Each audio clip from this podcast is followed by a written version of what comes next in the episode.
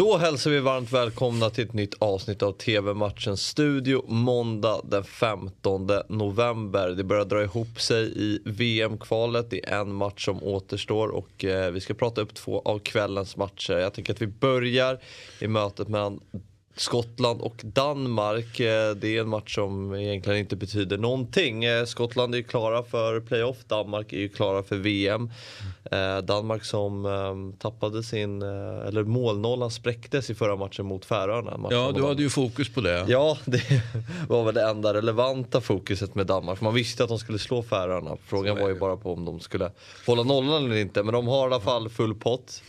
Så Danmark siktar ju såklart på att gå hela vägen ut här med ja. full, full pott. Ja men det är klart att de, eh, att de siktar på det och eh, det känns ju som att det är klart att de gör det. det, det jag känner inte att man slår av på takten. Jag tar inte insläppta målet mot Färöarna som intäkt på att man börjar Nej. ta lätt på det. Utan, utan det är, det är in i kaklet för Danmark. Mm.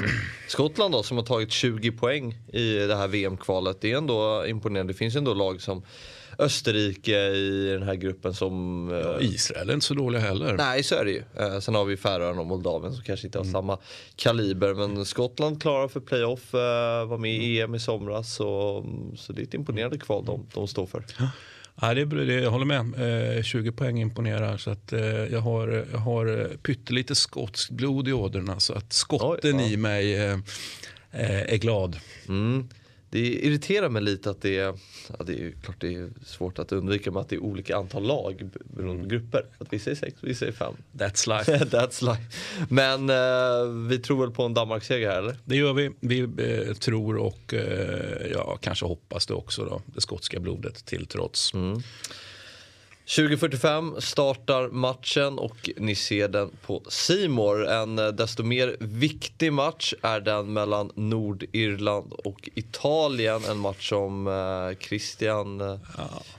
Du vacklar lite om du vill prata om den här matchen. Ja, jo, men vi har ju skyldighet att prata om den eftersom den är, ja, eftersom den är väldigt betydelsefull. Då. Men jag, jag, är, jag är så nervös och jag sitter som på nålar och står som på nålar och ligger som på nålar. Det, det, det, det är riktigt jobbigt och det finns grejer historiskt bakåt i tiden som inte då talar till Italiens fördel. Det är ju faktiskt så att man har just eh, mot Nordirland då, eh, så att säga fuckat upp eh, saker och ting genom historien. Missade ju då till exempel eh, VM i Sverige 58 mm. eh, just genom att inte leverera mot Nordirland. Ja.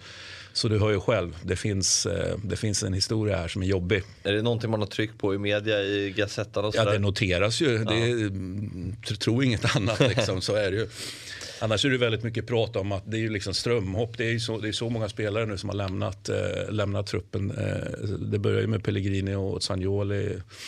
Eh, ja, mer eller mindre direkt. Och sen så var det Immobile och sen är det Chiellini och sen så är det, är det Calabria. Och så, alltså det, det, mm, mm. det är hårda bud.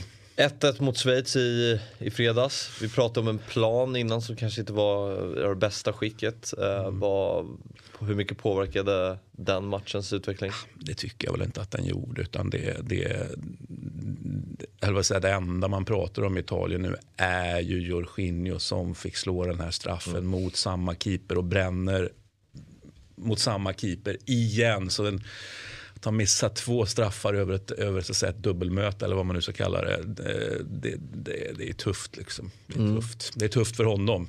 Hur var tufft för Italien. Hur var den spelmässiga insatsen i övrigt då?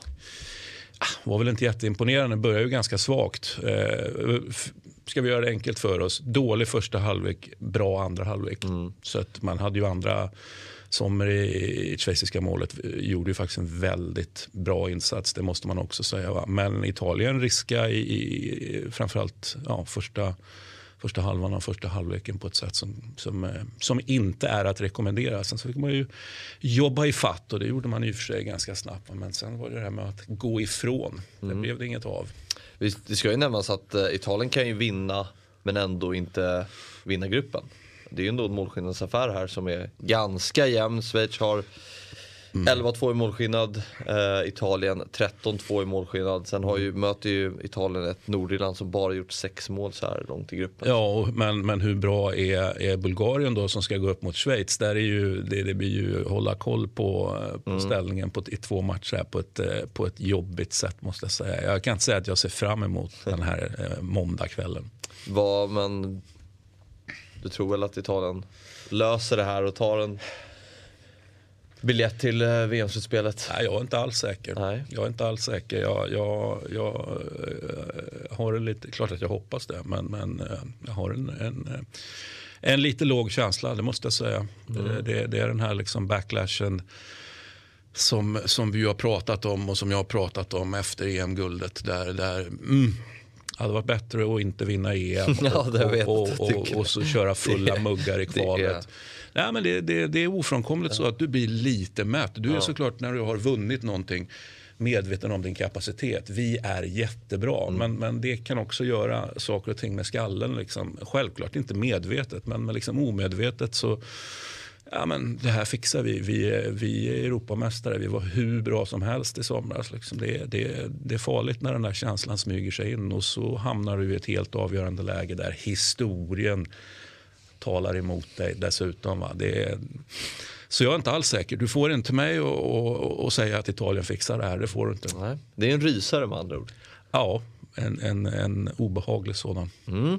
20.45 eh, startar matchen och eh, ni ser den på Simor Fotboll.